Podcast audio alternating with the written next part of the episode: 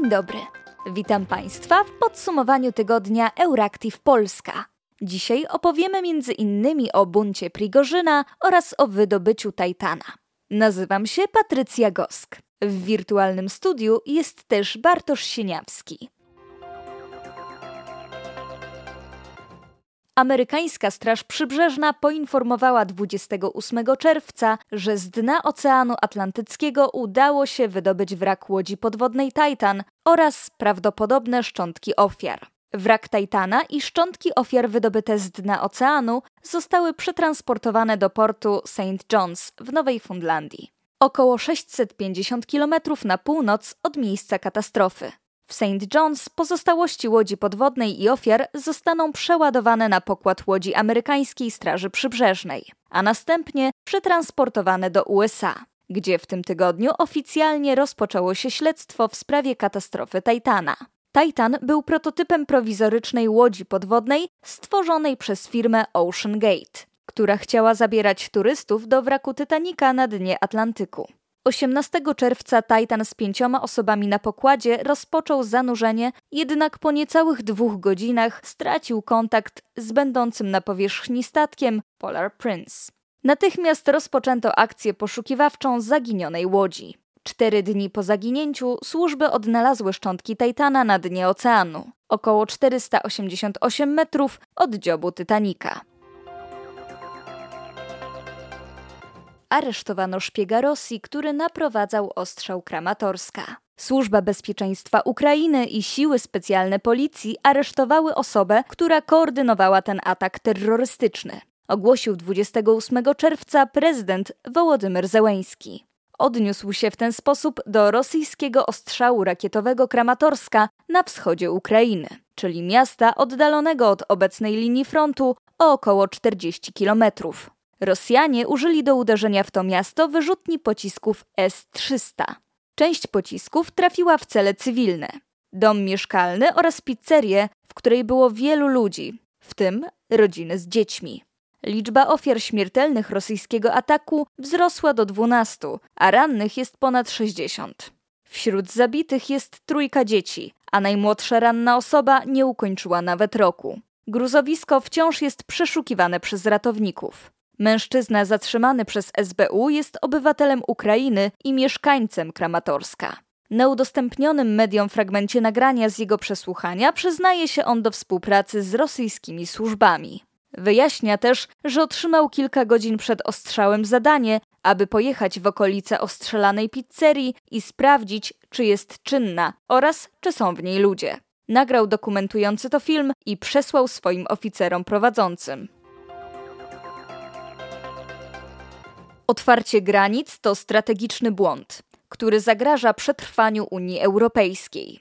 Mówił premier Mateusz Morawiecki, zapowiadając weto dla unijnych rozwiązań dotyczących migracji i przedstawiając swój własny plan. Ten plan jest jasny: nie dla przymusowej relokacji imigrantów, nie dla naruszania prawa weta przez poszczególne państwa i nie dla pogwałcenia zasady wolności, zasad podejmowania decyzji poprzez państwa samodzielnie nie dla narzuconych kar ze strony Brukseli na państwa członkowskie. Tak, dla bezpieczeństwa. Tak, dla suwerenności. Tak, dla najlepiej chronionych granic w Europie. Mówił premier Mateusz Morawiecki na konferencji prasowej przed wylotem do Brukseli.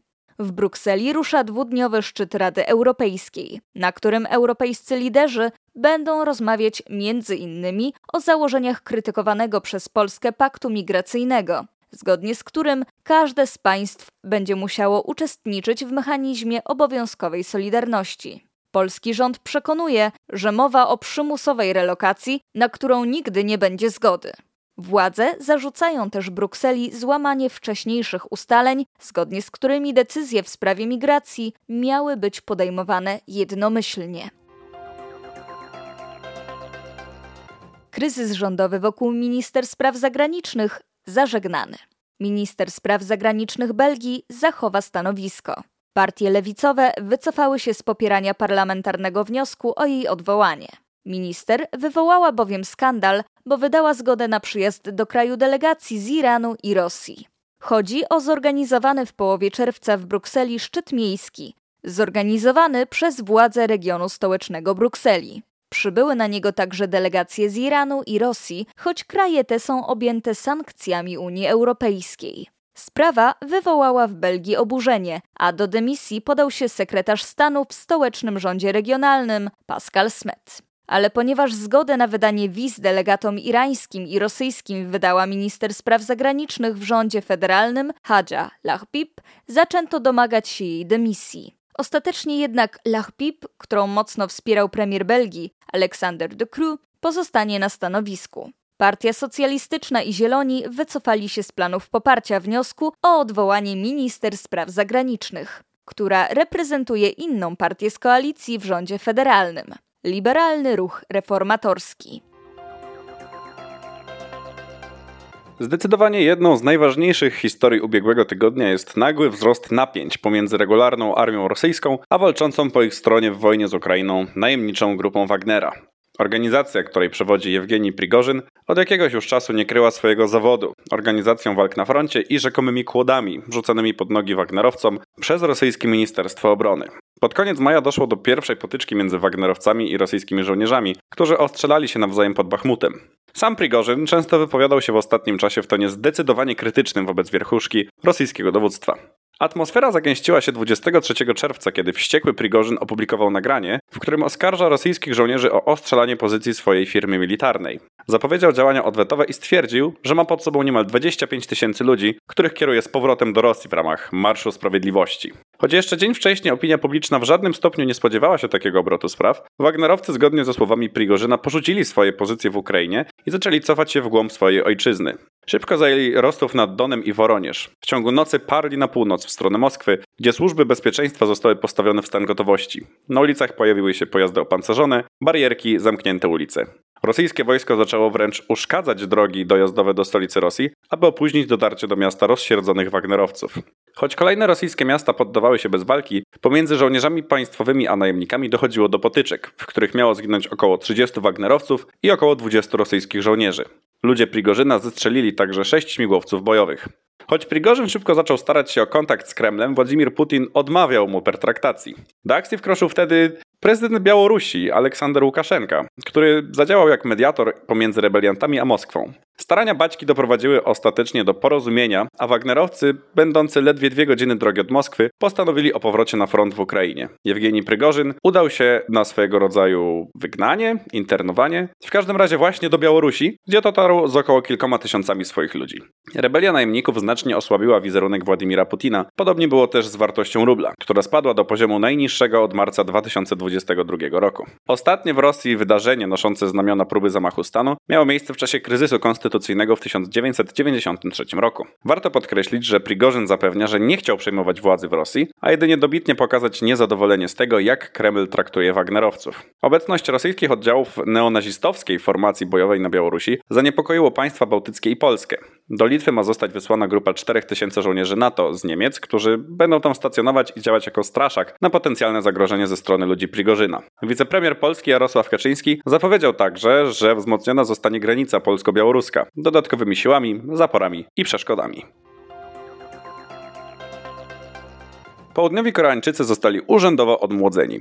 Nie zanurzono ich jednak w źródełku wiecznej młodości, ani nie wykonano wszystkim liftingu twarzy, a zmieniono system liczenia wieku. Przykładowo w Polsce rodzące się dzieci mają 0 lat i ich wiek do pierwszych urodzin podaje się raczej w miesiącach. Wiek urzędowo i często prywatnie podaje się w zależności od przeżytych urodzin. W Korei tymczasem wiek liczono od pierwszego roku życia, to jest dzieci nowonarodzone uznawane były już za jednolatków. Dziecko urodzone w Sylwestra już kilka godzin później miało 2 lata. Ten system był skomplikowany i odbiegał od reszty świata. W latach 60. w kwestiach urzędowych i medycznych zmieniono go na taki, jaki obowiązuje w większości reszty krajów. Jednak prywatnie nadal stosowano się do starego. Teraz oficjalnie zmieniono to. Każdy, kto się rodzi i w dokumentach i na tortach urodzinowych będzie miał w Korei podany wiek liczony od zera. W kraju obowiązuje jednak jeszcze system rocznikowy. To jest wiek podaje się nie od urodzin, a od 1 stycznia. Większość Koreańczyków chce się dostosować do wprowadzonej zmiany. Dla ludzi takich jak ja, którzy mieli skończyć w przyszłym roku 60 lat, pojawia się takie uczucie, że nadal jesteśmy młodzi. Skomentował zmianę koreański minister do spraw ustawodawstwa rządowego Lee Wan-kyu.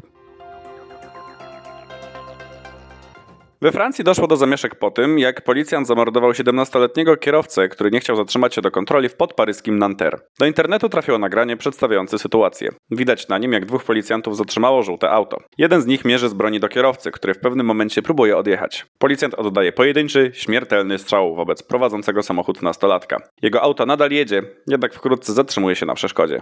We Francji zawrzało, zapłonęły śmietniki, a policjanci byli obrzucani kamieniami w czasie trwania protestów przeciwko ich brutalności. Krytycznie wobec policji wypowiada się francuska lewica, zarzucając jej amerykanizację. Dla kontekstu, policja w USA znana jest wręcz ze swojego przekraczania uprawnień i częstego zabijania zatrzymywanej osoby, również w przypadkach, gdy ta nie jest nawet uzbrojona.